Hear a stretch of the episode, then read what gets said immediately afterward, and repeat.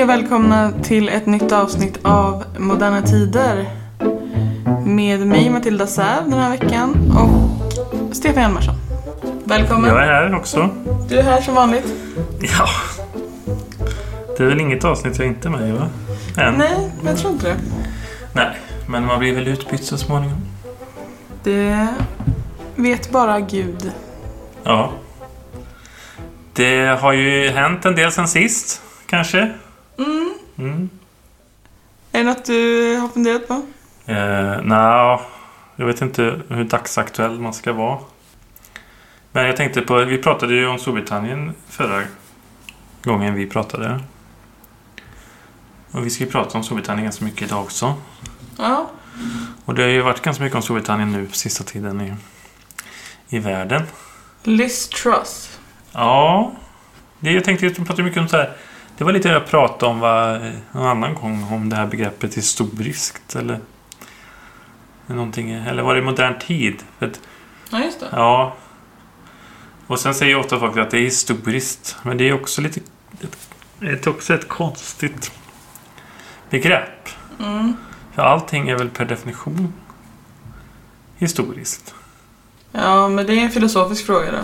Ja, men vi kan gärna ha lite filosofisk diskussion. Mm. Ja, men man vill ju beteckna någonting, det blir historiskt. För nu var det liksom historiskt då att för de som inte har hängt med i världen så avgick ju Storbritanniens premiärminister Liz Truss. Hon, hon var den som suttit kortast tid. Och då är det historiskt. Mm. Ja. Och sen Ja, men då betyder det historiskt för första gången i historien. Nej, ja, eller ja. Kortast. Att man slår någon slags rekord. Liksom. Ja. Ja, och så kom han Richie Starmer. Och han är 42 år. Då är han yngst. Av alla Ja, premiärministrar. men då är ju det historiskt. Ja, bara. det är historiskt. Men bara tills en ännu yngre kommer då. Ja, precis. Och, sen, och mitt i det här så dog drottningen också. Och hon har suttit längst. Av alla regenter. Mm. Och jag antar också haft flest premiärministrar då. Också. Ja, Så det har varit historiska dagar ja för. Great Britain. Men är inte det lite som en vetenskap då? Att eh, det är sant tills något eh, bättre kommer så att säga? Jo, jo, men jag, tycker att, jag tror att folk gillar det här att nu kommer den yngste eller äldste eller... Och det är ju klart, då är det ju mer mätbart. För det går ju inte att säga att det inte är... Det är ju ett historiskt perspektiv är ju den äldste eller yngste eller... Jo, men precis. Men det är ju flyktigt för att det är ju bara tills någon ny kommer. Ja. Som blir den nya historiebäraren då så att säga. Eller historiepersonen. Så är det ju. Mm. Men jag menar bara att det kanske överanvänds. Nu är det kanske rimligt då om man använder det i det sammanhanget. Men det är ju ofta så här, det är historiskt. Det här valet blir historiskt. Ja, men alla val blir väl per definition historiska. Jag har också tänkt på det när man pratar om väder brukar det vara så här. Historiskt dåligt väder. Det, det har inte varit sånt här väder sedan 1847. Nej, men då är det ju ändå, då får man ju, då har man jämför med, då känns det mer rimligt tycker jag också. Jo, fast om det har varit då varmast sedan 1847 Ja. och sen blir det ännu varmare året därpå. Ja, då är det Då- historiskt igen. Jo, fast då har, ju, då har du ju tappat all... Men jag tycker det är bättre rent semantiskt att använda begreppen tydligt att nu är det det varmaste i historien, inte att det här är historiskt. För historiskt blir ju allting... Men det är väl bara att man använder lite slarvigt då. Ja, det är ju en slags godtycklig bedö- bedömning av någots... Och det är väl lite sådär sensationslystert. så Att, för jag tycker varenda val de senaste valen har sagt det här valet kommer bli historiskt eh, jämnt. Ja, och men sådär. det, är- det genererar klick också. Men jag kan, jag tänkte bara en grej på Storbritannien också att de har ju i sig en väldigt mycket snabb... Om man jämför med Sverige. Det går ju väldigt snabbt att byta premiärminister. Ja, det är det. Ja, och det är, jag tycker att det är ganska smidigt det här med att liksom monarken bara utser... Eh, parlamentet måste ju inte rösta om... Sen kallar parlamentet avsätta en premiärminister av misstroende och sånt.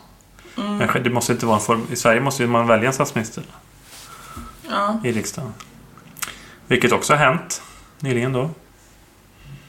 Ja. Men eh, Även Danmark. Danmark har det val snart. Mm. Men eh, ja, det här Valtider. här podden kan, kommer, nog inte, kommer nog efter valet. Storbritannien som sagt. Ja, det En stor- snöat in lite på stort. En stor spelare. Ja, Fast de lite var, för ju, stor. de var ju stora spelare i den perioden som podden mycket handlar om. Ja. Men du kan väl presentera dagens ämne? Eh, opiumkrigen. Ja. Och vad var då detta? Ja, det utspelar sig ju i Kina. Mm. För det är ju Kina eh, det handlar om.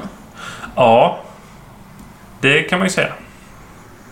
Eh, det, Kina är det stora förlorarlandet, så att ja. Det attackerade landet. ja, vi ska ju komma inom kort också komma ett avsnitt om Japan under ungefär samma tid.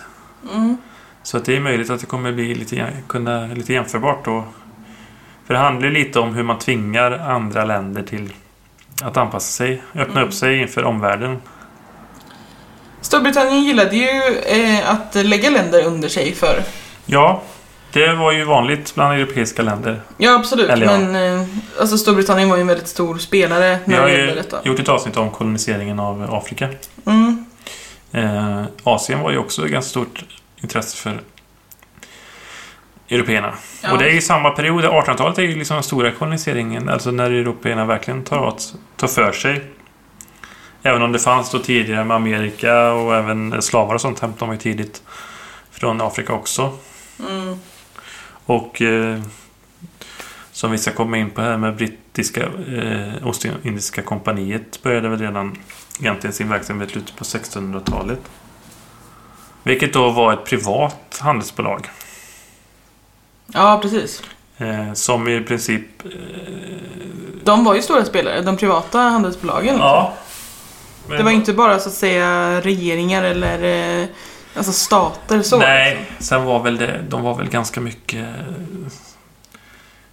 På något sätt så var väl inte så att staten motarbetade Nej, absolut. handelsbolaget. Nej, men det handlade ju mycket om att man skulle ta eh, icke-europeiska länder och, gö- och lägga dem under sig. Liksom. Det var det... Ja, framförallt kunna liksom... Eh, Kontrollera. Sälja, alltså, bedriva handel. Mm, jo, Ja. men kolonisera också för att utnyttja dem. Det var inte bara bedriva handel så, utan Nej. det var ju för att utnyttja de resurser som de hade. Ja, men Indien var... var väl också lite väldigt speciellt just att det i princip då drevs av ett... eh, Kontrollerades av ett företag Ja, i några hundra år nästan. ja precis. Ja, men det... Vi kan ju börja där då. Att eh, där så fanns det ju mycket opium. Ja, för, ja man kan säga först det fanns, mycket, det fanns silver också i Indien. Mm. Alltså grejen var väl att man hade handlat med Kina mycket historiskt. Mm. Eh, vad heter han? Marco Polo. Ja, Mang Magellan, eller vet han? Magellan. Ja, Mm. som gjorde den första världsomseglingen. Och även senare var svenskar, och Svenska Ostindieskompaniet var ju också i Kanton. Alltså grejen var att Kina hade ju mycket handelsvaror Ja. som, var intresse- som, som européerna var intresserade av. Mycket lyxprodukter, silke, kryddor, inte minst te. Blev väldigt populärt. Porslin. Ja.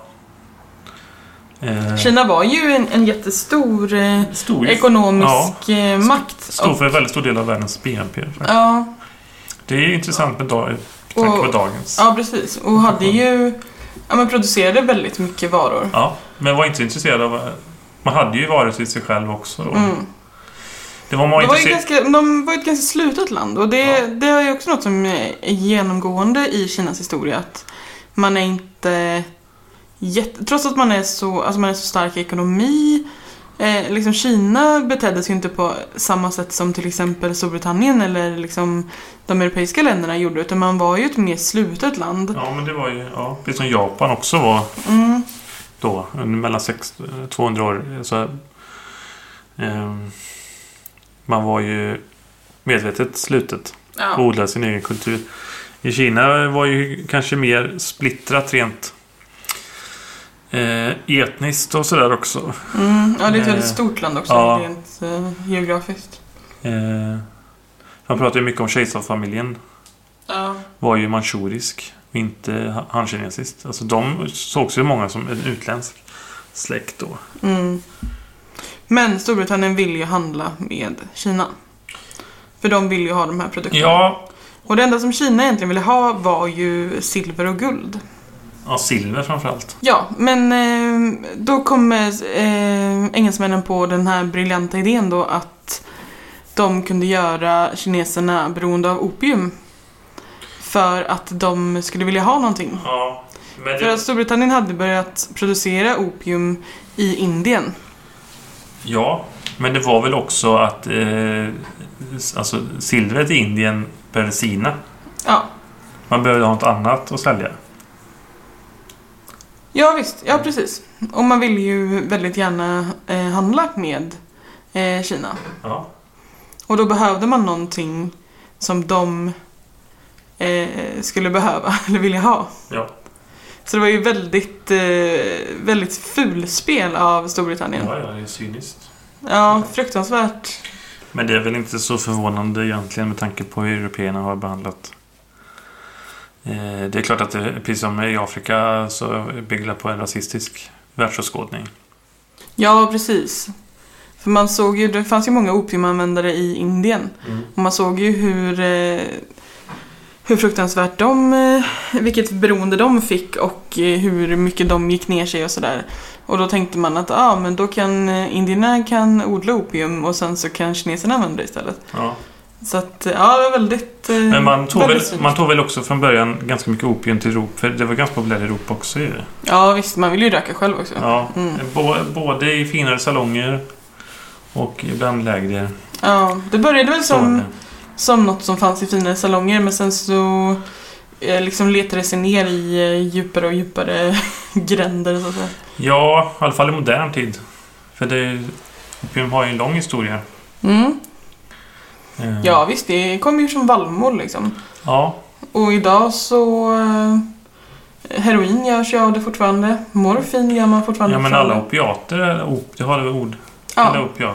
Men det är faktiskt som att morfin och heroin det är en utveckling av op, Av opium. Ja. grundläggande opium. För att jag förstår som att redan man har ju idéer om att egyptierna använder det och grekerna använder det inte bara. För man tänkte ju först också att det hade medicinska funktioner. Mm. Men att... eh, Men så har man ju alltid tänkt. Alltså för heroin var ju också något som man framställde för att det skulle vara en medicin först liksom. Så Ja. att, eh, Men det- även grekerna använde det som berusningsmedel. ja. Men eh, det var ju också så att det var enklare att använda än alkohol till exempel. Mm. Eller det var mycket lättare att liksom eh, bruka. Alkohol kräver ju en ganska liksom produktion, produktionsprocessen är ju ganska lång. Eller liksom Ja. med jäsning och sånt. Man röker ju opium. Ja. Jag vet inte om man kan äta det också. Alltså inte. äta vallmofrön liksom. Alltså, ja, det, gör man ju på mackor och så. Ja, precis. Knark. Men det ger väl ingen effekt. Men eh, Nej, det vet jag inte. det, Det vet vi ingenting om. Nej. Ja, kanske om du käkar väldigt mycket kanske. Ja, det, här, det finns ju någon sån där nöt som är giftig. mm. Vilken var det? Om man äter... Det är, du vet, det finns så här likör i Aladdin. Ja, precis. Du måste äta väldigt många punschpraliner för att... Ja. Men det blev ju katastrof Ja. i Kina.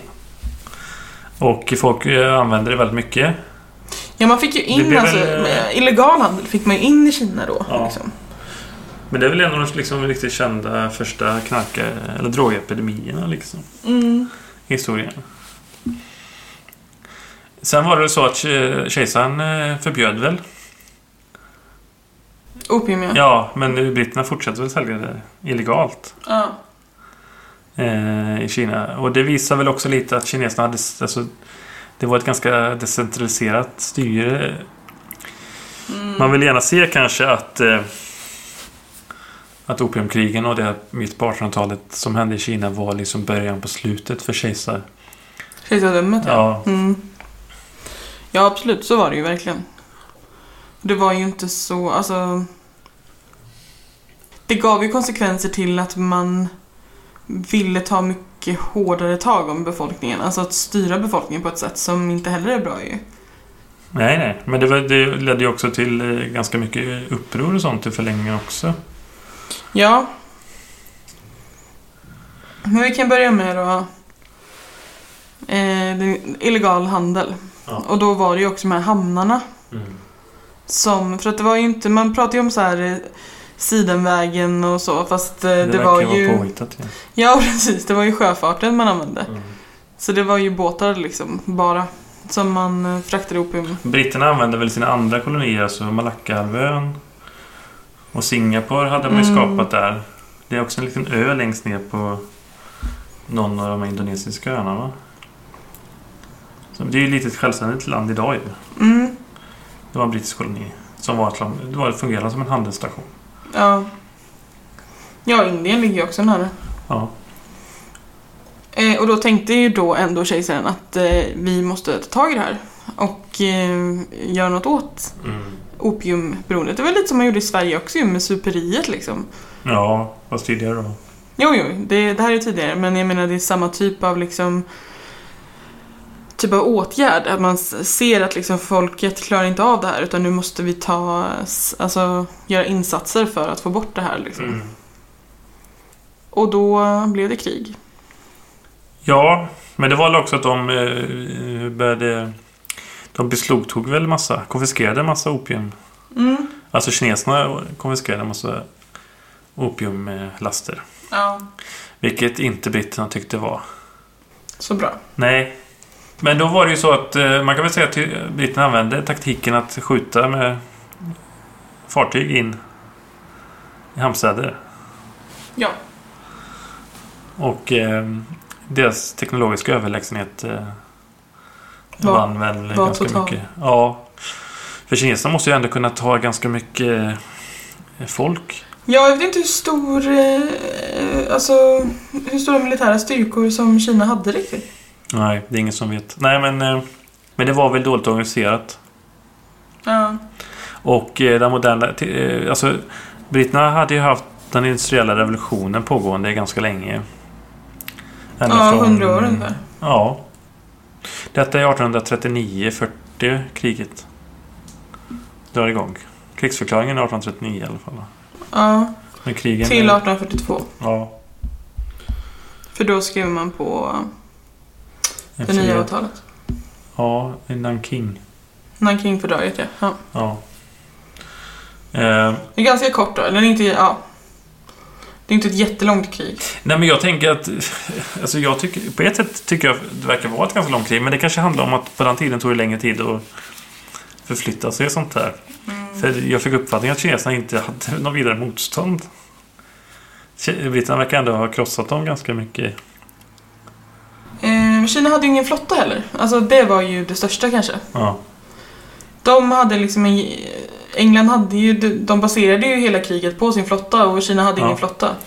Britterna var, hade ju blivit eh, liksom den stora krigsmakten i världen. Och inte minst den stora sjönationen. Nej, nej Rule the waves. det var ju precis det jag menade. Rules the waves. Ja. En av de, av de stora målen som Storbritannien hade var ju också att eh, frigöra eller lägga under sig Hongkong. Och hamnen Ja. där. Ja, fast jag förstår inte riktigt poängen med det egentligen. För att det var ju helt... Det var ju ingenting. Hongkong var ju ingenting. Nej men det blev ju en, en handelsplats. Så, Det var en britterna, liten... britterna som skapade det liksom. Jo men som en liten koloni i landet blev det ju. För där så skapade ju de... Ja, Eh, där kunde man ju handla fritt med opium sen. ja. Men när britterna kom dit så var det i princip inte ett enda... Var knappt bebyggt liksom. Nej. Sen blev väl det en eh, ganska stor stad. Eller, eller fortfarande. Ja, det är en väldigt stor stad. Ja. Men de skrev väl på 1898 sen så skrev de på en ett avtal om att eh, Hongkong skulle vara brittiskt i 99 99 år. Mm.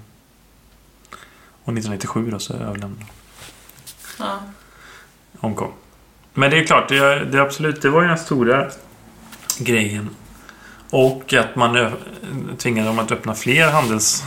Fler hamnar ja. Ja, Mm. och även för andra europeer. Så man kan ju säga att alltså, så här, på, på så sätt, det finns inte så mycket att säga nästan om det första opiumkriget eftersom att eh, alltså, britterna bestämde sig för att attackera helt enkelt. Lyckades jättebra med det och eh, tog Hongkong och eh, såg till, eller liksom, ja, såg till att fler hamnstäder kunde öppnas helt enkelt. Ja. De körde ju över Kina totalt.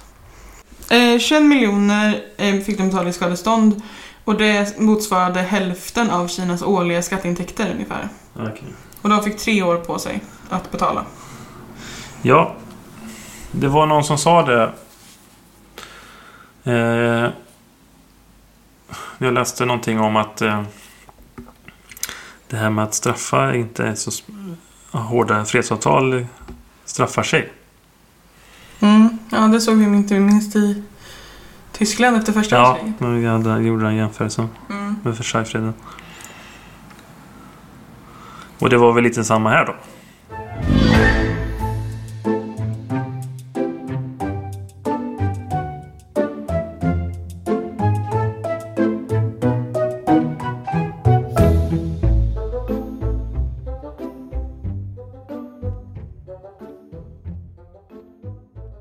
Man öppnade fem hamnar. Ja. Eh, Shanghai var en av de hamnarna. Ja. Och där kunde britterna handla fritt nu då. Mm. Men nu kommer väl även andra länder in mycket. Ja. Alltså man, man kan ju prata om Hongkong sen då, för sen på, på 1840-talet så... Hongkong är, är ju en liten ö. Och... Eh, det etablerades ju, alltså många britter flyttade ju dit. Ja. Eh, soldater och hantverkare och sådär. Mm. Och eh, de bodde ju där då eh, tillsammans, eller sida vid sida med kinesiska fiskare och sånt. Ehm, men britterna som bodde där var ändå lite besvikna över hur det det hade fungerat med eh, ja, men diplomatiska relationer och ändå förbättring av, eh, av handelsrelationer och sådana saker. Ja, Xing Feng-kejsaren. Han försökte väl inte... Han försökte motverka ganska mycket det här fredsavtalet. Ja, det gjorde han ju. Och det är väl det som han var inte... Han ville inte, han förbättra, ville inte förbättra relationerna Nej. med... eh, Och britterna verkar ju tyckte att de skulle ha någon slags särställning också i den, på den kinesiska eh, marknaden, eller? Ja, visst. Det ville de ju. De ville ju ha fördelar liksom. Ja. Gentemot andra västerländska länder då, ska vi säga. Ja, men samtidigt, jag, jag, eller jag kanske missförstod det, men det verkar ju ändå som att de ville att Kina skulle öppna upp sig mer generellt mot omvärlden. Mm. Men de skulle ha... De skulle ändå ha lite fördelar. Okej. Ja. eh, Men de hade ju gjort jobbet liksom. Yes. Men de ville väl att Kina skulle underkasta sig liksom. Så som indierna hade gjort och så som jättemånga andra delar av världen hade gjort liksom. Och sen Kina bjöd ju ändå på lite motstånd och det var de väl inte nöjda med helt enkelt. De var inte vana vid det heller. Nej, det var de kanske inte. Men eh, det, det som framförallt var ju också att det blev ju inget... För, det blev ju inte legalt med, med opium. Nej, precis. Det blev ju inte det. Eh, vi har ju Taiping-upproret också. Ja, det var väl ett tecken på en försvagad kejsarmakt. Ja, Det verkar vara lite knasigt det där va? Om man får Mm. använda en mild. För det verkar ju frukt... Det var ju massa människor som... som dog. Ja. För det var ju 20-30 miljoner som förstod i någon slags... För det var nästan som ett inbördeskrig då ju. Ja, precis. Men sen var det 60 miljoner som dog i svält som, som resultat. Men det var, ja, det var mycket som inte, som liksom inte blev så bra kanske. Det var mycket som malaria härjade mycket och det fanns ju även en hel del missionärer i Ja. Kina. För det var ju det här, alltså Hong Xinquan Mm. som ledde det här eh, Taiping-upproret. Han eh, var ju någon slags kristen mystiker. Ja. Som en vacker... Han påstod själv att han var Jesus på något sätt, eller? Så det verkar väldigt skruvat. Ja. Men eh, det, det, jag vet inte hur mycket det påverkar européernas inställning också. Att de alltså blev en bild av att de motverkade krist, att kristna blev mot motarbet eller ja. ja, nej men man vill ju kristna Kina också oavsett Ja. han den här... Jo, jag menar det. Ja, Men han var ju ändå en kristen person. Och kejsardömet slog ju ner, alltså de slog ju ner det här upproret till slut. Det tog Ja. 14 år och miljon, miljontals människor döda. ja. Ja, ja, men det var fruktansvärt. Men det men det är också det här, alltså det är också så att säga ett nederlag då för Storbritannien eller för väst liksom att man inte lyckas kristna Kina.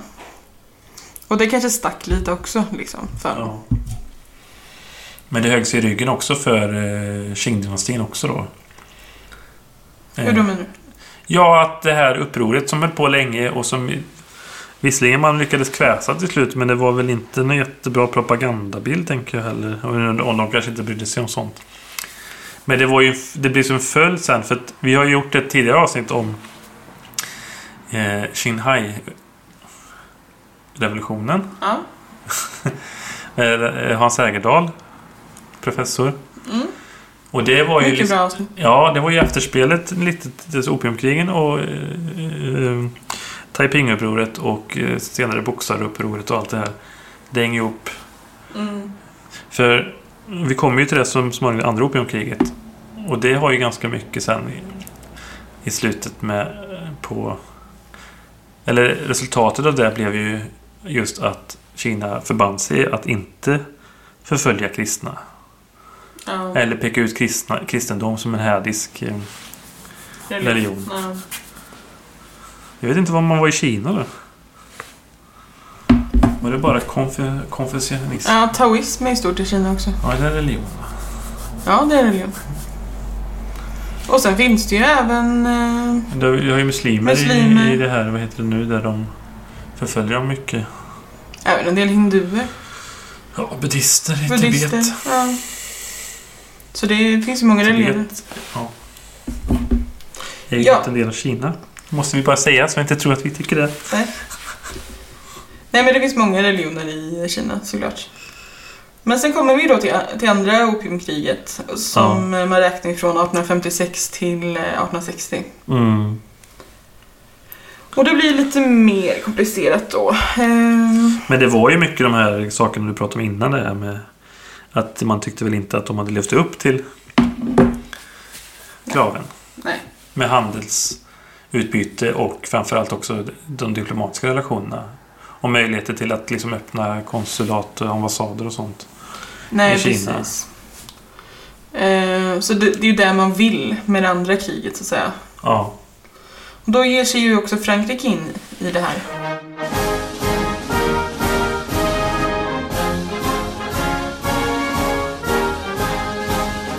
Ja, och det är kanske är intressant ur en liksom eh, att Frankrike och Storbritannien närmar sig mycket varandra på 1800-talet. De Mm. hade ju faktiskt varit ganska bittra fiender tidigare. Vi har ju 1800-talet börjar ju med Napoleonkrigen och även längre tillbaka så motarbetade man ju Vi pratade ju i förra avsnittet här om USAs eh, självs...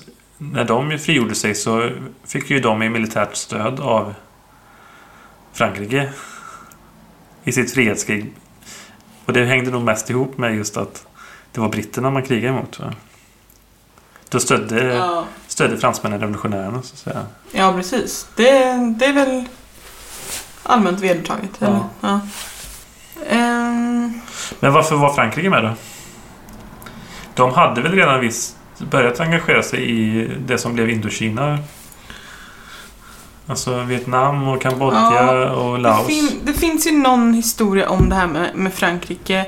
Ja, precis. Frankrike vill ju expandera eh, i Asien. Precis som du sa där, att de hade redan kolonier. Och, eh, Ja, jag vet inte om kolonierna redan fanns. Det kanske fanns redan.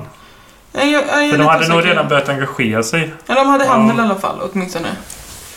Och de var ju intresserade av att eh, ja, expandera. Och Mm. de, ja, de ville väl liksom ha en del av kakan. Eh, Och heter den? så finns det ju också någon eh, skröna, någon historia om att det var någon som do, mördades och de skulle ha, ha hämnd för det Aha. eller något sånt där. Men det är ganska mycket sådana där grejer. Eller mycket, men... Ja, men det är samma som där Arrow. Ja, det är mycket grejer man försöker hitta orsaker till. Eller mycket, men en del grejer. Ja. Arrow, det var någon slags... Kineserna angrep det för de trodde det var sjörövare va? Ja, det är ett fartyg alltså som Ja. heter Arrow. Och så var det brittiskt flaggat. Mm, Och britterna tog det som en krigsförklaring. ja. Och gick till motattack direkt. För det kallas tydligen Arrow-kriget. Kriget? Ibland. Ja, Eller jag vet inte om det bara är brittisk historieskrivning. Jag har inte läst så mycket kinesisk historieskrivning. Nej, det, det är lite en brist hos oss att vi inte det faktiskt. För båda sidor. Ja. Ja, nej men också i Guangzhou så vill inte myndigheterna öppna staden. Och ehm, Xingfeng eh, heter han va?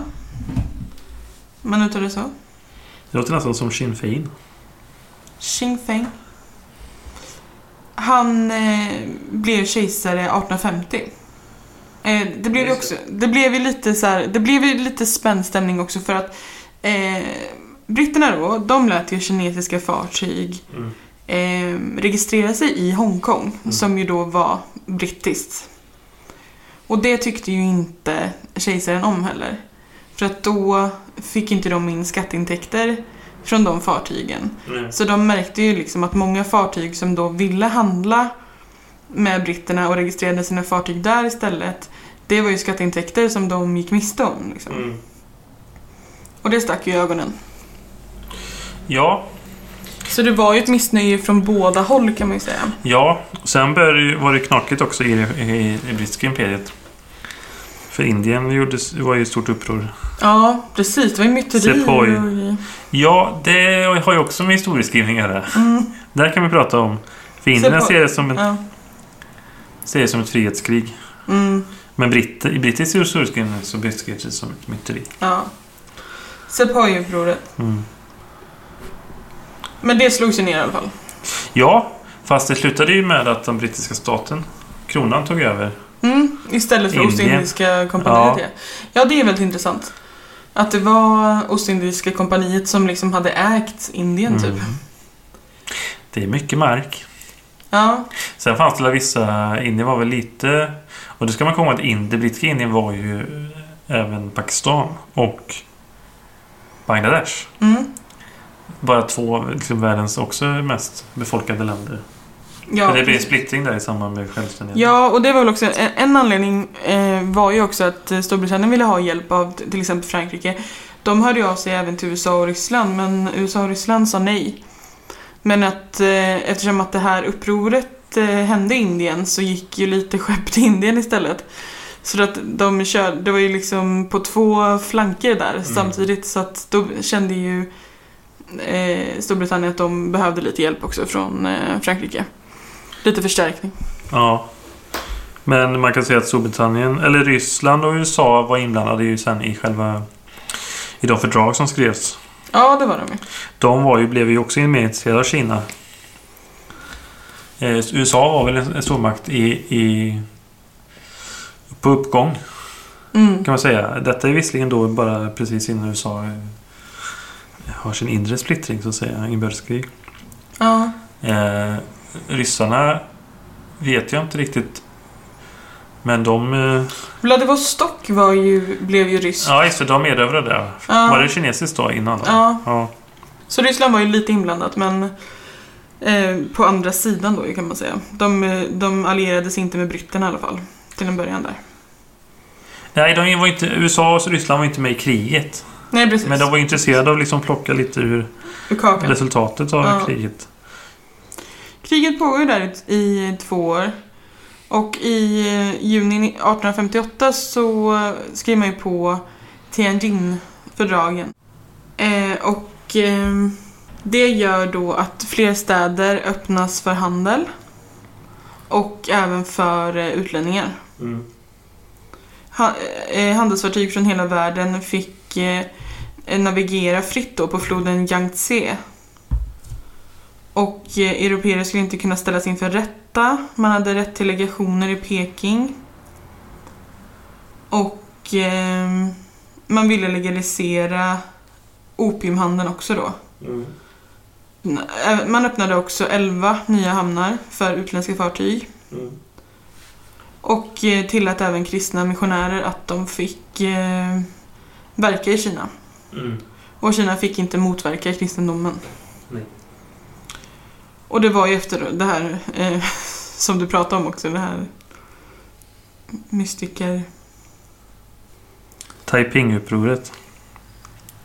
Ja, precis. Som fortfarande pågick då, för det pågick till 1864. Ja, men det kanske stärktes av det då.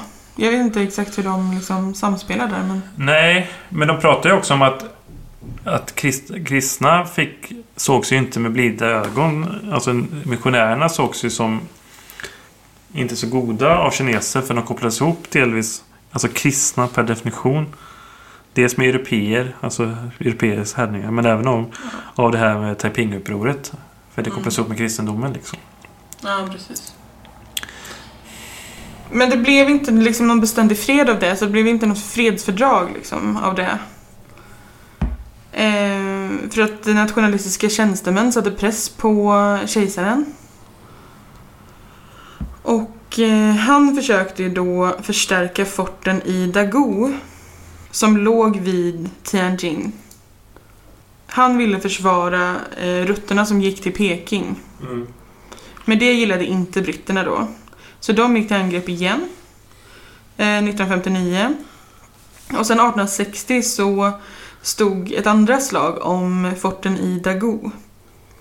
Mm. Och då gick ju britterna och fransmännen in och förstörde jättemycket där. Eh, men sen 1860 då så kunde man sluta ett nytt avtal.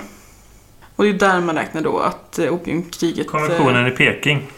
Ja, och där räknar man att det tar slut. För eh, man vandrar väl in... Man eh, marscherar väl in i Peking. Och eh, gick väl även in i den förbjudna staden. Vilket ju bara en person fick egentligen Ja. beträda. Kejsaren. Ja. Ja. Nej men man, ja man... eh, Man gick in för att förstöra helt enkelt. Ja.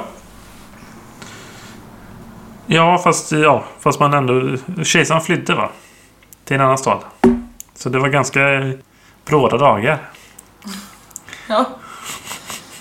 Jo, det var ju krig. Men man lämnar tillbaka ändå sen. Man hade ju kunnat eh, göra pek eller dela Jag vet inte hur mycket man hade kunnat gå liksom och stycka upp Kina. Ja, kejsardömet eh, pågår ju ända till Xinhai-revolutionen då. Ja, det är ju 50 år. Men den försvagas ju successivt kan man ju säga. Det är ju så att förlängningen är ju det här att Kina har ju egentligen då visserligen då fortfarande ett självständigt land men hamnar ju i klorna mycket på utländska krafter. Ja. Tyskarna har ju också intressen till exempel. Ja. Och eh, japanerna dyker upp så småningom och det är krig på 1890-talet. När de tar Taiwan. Det händer väldigt mycket där och då har ju också Européerna har ju en jättefördel där ju med den teknologiska utvecklingen och sådär. I att de kan fortsätta exploatera Kina så att säga. Ja, och det skapar ju en nationalistisk... Eh, Grogrund. ja, absolut. För sen där kring sekelskiftet 1900 så är ju det här bokstavsupproret. Det är ju att man eh, försöker liksom rensa ut de utländska intressena. Och det är då många kristna missionärer och sånt dödas. Och Man där vill ingriper... förstärka staten igen ja. Ja, men då ingriper ju de här länderna igen mot Kina. Mm. Och det kallas ju boxarupproret, för, inte för att det handlar om sporten boxning utan för att eh, alltså, man ville boxa ut utlänningar typ. Ja. Men eh, det var ju också då en försvagad såklart eh, kejsar... För boxarna ville ju försvara kejsardömet. Så säga. Ja, ja precis, det vill de ju. Sen eh, kan man ju säga att eh, världsutvecklingen förändrade ju delvis lite med världskrig och sånt. Ja. Och, eh, men japanerna blev ju starkare. Så vi kanske kommer att prata om i det här Japan-avsnittet då. Ja, det ska vi nog Eh. lämna till experten. Ja, men det är inte ointressant för Kinas. För Japan har ju stora intressen i Kina. Ja, visst. Och, och Japan start, ockuperar ju Kina stora, under kriget. Och Manchuriet har man ju annekterar man ju redan början på 30-talet. Ja. Och då är ju opiumhandeln också laglig under Japan-perioden. Mm. Men jag vill också säga att eh, en, en betydande faktor var ju också att man öppnade Suezkanalen 1869. Ja. Det underlättade ju jättemycket för handeln med Kina. Och eh, sen så började man ju också att ha ångbåtar ist- istället för eh, segelfartyg. Och det gjorde ju också att det gick mycket snabbare att handla. Ja. Så det öppnade ju För det är väl, eh, jättemycket. Britter och fransmän som har kontroll över eh, Suezkanalen Ja, också. Precis. precis. För det blev ett 1956 när eh, Nasser och Egypten ville förstatliga Suezkanalen så in, ingrep ju de militärt.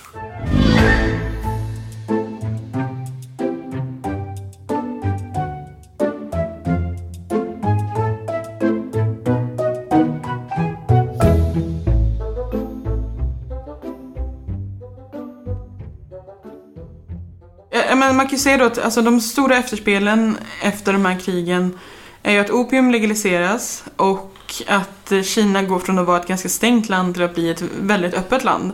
Inte helt frivilligt då, helt enkelt. Ehm, och det börjar bedrivas mycket, mycket mer handel med, eh, med Kina. Som då... Eh, ah, det blir ju inte kolonier, blir det ju inte i Kina liksom. Så det, de tar ju inte över Kina på samma sätt som de, har tagit, som de tog över Indien till exempel och så. Så att de, Kina är inte riktigt lika illa ute som Indien var till exempel. Nej, Men det var ju ändå inte frivilligt. Men det liksom... Man anpassar sig ju men på vissa sätt ja. även, om, även om det blir fler uppror och sådär. Så. men utnyttjar ju sin övermakt. Jo men jag menar hur kineserna ändå har det sen. Ja, ja. De anpassar sig väl successivt. Jo, jo, men det var ju inte... Allting handlar väl inte om opiumhandel också heller kanske. Nej, Men, precis. Men det är klart att det blev ju... Alltså, Kina blev ju en huggsexa delvis för flera europeiska länder. Och japaner också då. Och Mm. ryssarna var ju också intresserade av det rysk-japanska kriget. När Port Arthur var i någon hamn. Som man er, ville erövra. Ja. Eh, eller ryssarna hade väl den. Fast japanerna erövrade den då i det här rysk-japanska kriget. Just det. Och... Eh, ja. Men sen till slut då så... Japan, Japan eh, förlorar ju kriget och förlorar ju sina besittningar i Kina och Kina... Eh, det här inbördeskriget fortsätter igen efter kriget. Här. Och 1949 då så utropade Mao Zedong... Eller Zedong? Zedong? Zedong? Ja. Eh, Mao helt enkelt. Folkrepubliken Kina. Ja. Och då börjar man med en slags kampanj mot opiumet. Ja, då gör man ju jättekrafttag mot eh, opiumet. Ja, Verkligen. men det kanske var eh, brutalt också då. Ja, det var det ju på sitt sätt. Men det är ju en helt annan historia. Ja, och den kommer vi redovisa nu. Nej. Okej. Nej, men det kanske blir ett annat avsnitt. Ja, Det är väldigt spännande tycker jag. ja. Men, Man tar ju Kinas sida, så att säga. Det är ju synd om Kina på det sättet. det är, många skulle ju beskriva att Kinas nederlag är just att de inte anpassar sig efter världsutvecklingen. Ja, För man, har inte, man är ett underutvecklat land. För den industriella revolutionen hade väl inte kommit igång i Kina. Fast det är ju också... Man hade ju ändå väldigt högt BNP och man hade ju mycket Jo, men det var ju vad man varor. kunde sälja. liksom. Ja, men jag tror i och sig att industrialiseringen måste ju ha de förlorat på då. Eftersom industrialiseringen byggde ju på att man kunde producera varor. Och industrialiseringen bidrog ju också till att européerna var mer intresserade av eh, resurser i andra delar av världen. Som man kunde utvinna och producera varor av. Ja, visst. ja, visst var det så. Men Kina hade ju tidigare i historien, Kina har ju en väldigt gammal kultur där man ju hade, var tidig med mycket teknik och eh, Det är mycket saker som uppfanns i Kina och Mm. kinesisk medicin och, och sådana saker. Ja visst, men det... Det är ändå svårt att på något sätt tycka att britterna hade fog för vad de gjorde liksom. Ja, ja, nej, nej. Det är klart att det, det handlar ju bara om ett egenintresse. Att man tvingar på. Det, har vi, det är det jag menar med att man har ju sett även i, i senare tid att länder... Eh, alltså USA har ju...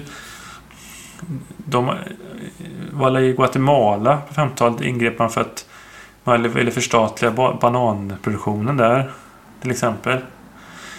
Ehm, det här som jag sa om Suezkanalen. Att liksom man tappar kontrollen över någonting och då ingriper man av eget när det hotar egna intressen liksom. När, när eh, Iran valde en liksom en mer socialistisk eh, premiärminister på 50-talet och ville nationalisera oljetillgångarna så ingrep USA och Storbritannien också. Ja.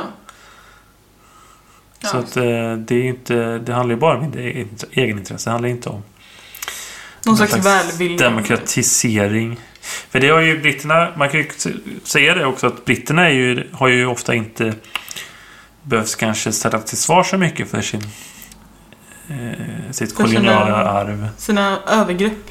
Nej, och britterna kanske skulle hävda att de inte begick så övergrepp. Kolla på belgarna. Mm. Kolla på tyskarna. Där i Namibia där. Ehm, Just det. Men eh, det var ju uppror i Kenya på 50-talet. Och det var ju... Eh, nej men de, britterna brukar ofta vända på det och säga att de... Ja, vi byggde järn, järnvägar i Indien och vi hjälpte indierna till eh, utvecklas liksom. Alltså Storbritannien är ju väldigt speciellt på det sättet. Eftersom att jag menar det fortfarande finns kvar Kanada, Australien som officiellt Ja. har eh, Englands Commonwealth. drottning. Eller ja, nu blir det kung då. Eh, Monark. Ja, hela Commonwealth. Statschef. Mm. Ja, precis. Så att eh, på så sätt så är ju Storbritannien eh, väldigt speciellt i... Det är en väldigt speciell nation i historien.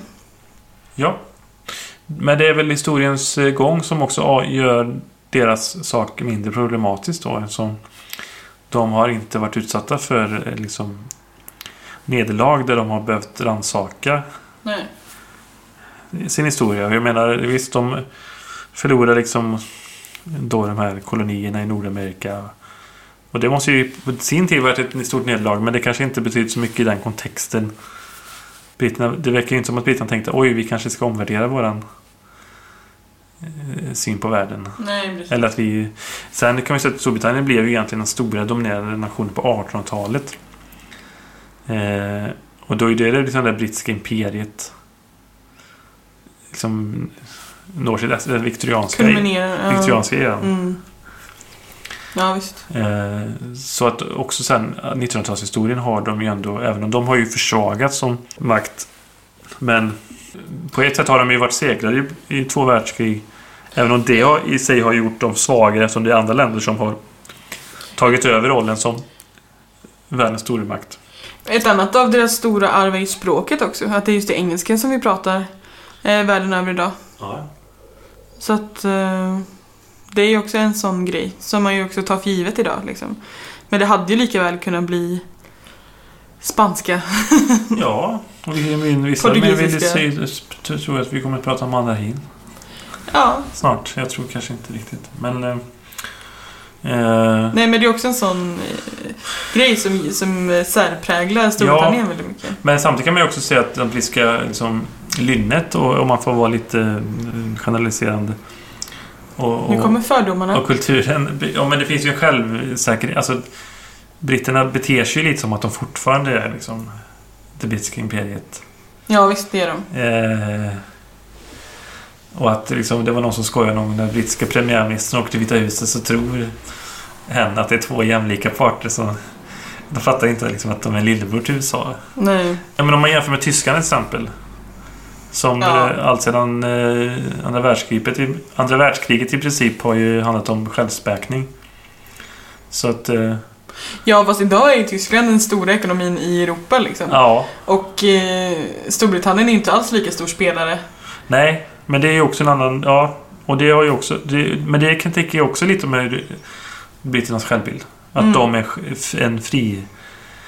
De är ett gammalt imperium som inte liksom vill ingå i någon slags europeisk gemenskap på samma formella vis som Tyskland och Frankrike såg värdet av till exempel efter andra världskriget. Nej, precis. Att bilda, och de har också, efter andra världskriget och allting det har ju skapat den trans- transatlantiska länken, alltså kopplingen till USA, är ju också väldigt speciell för britterna. För de har ju den länken i princip lika starkt som de har till Europa. Ja. Så att de är ju så. Men eh, vi får väl säga så idag då, Ja, tänker jag. men det blir spännande att höra nästa program också om Japan sen. Ja, det, Det är en liten följetong. det är nog bara kanske tillägga att det är nog inte nästa program utan det är nog ett Ja. program först. Det, det kommer. Jag skulle kunna ha här trailer för nästa program. Ja. Ja. Ja. Tack för eh, detta samtal ja, tack så mycket. Eh, du heter Matilda Sä. Och jag heter Stefan Hjalmarsson. Och eh, vi säger tack för idag. Hej då! Hej då.